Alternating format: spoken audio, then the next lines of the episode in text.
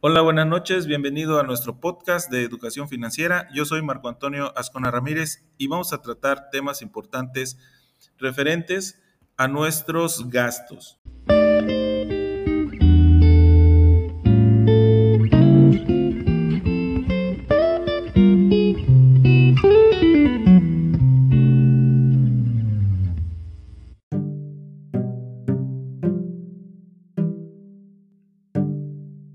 El tema que estaremos desarrollando el día de hoy se llama controlar tus gastos y que ellos no te controlen a ti, que es parte fundamental de nuestras finanzas sanas. Aprender a llevar un registro de tus entradas y salidas de dinero es una forma de mantener un orden que te ayudará a la toma de decisiones para lograr el mejor manejo de tu dinero.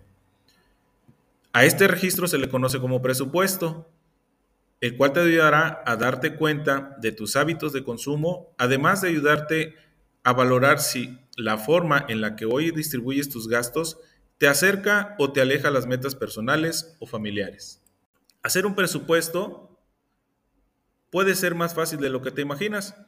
Puedes hacerlo de la forma que te sientas más cómodo. Por ejemplo, puedes utilizar un lápiz o papel si tienes acceso a una computadora, pues puedes utilizar una hoja de, cálculo de Excel.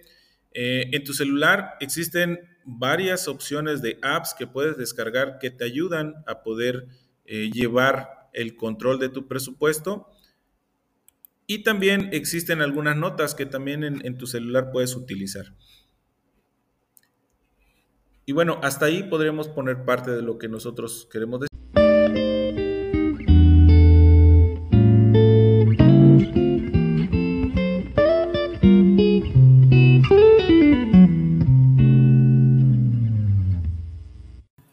Te invitamos a que en nuestro siguiente episodio nos sigas y que realices tu presupuesto y que nos cuentes cómo te fue, qué te diste cuenta al momento de estar generando tus cuentas y, generar o dar a conocer, por ejemplo aquí que ya me trabé, todo esto lo podemos detener o lo podemos grabar en algún momento y continuar, ¿sí?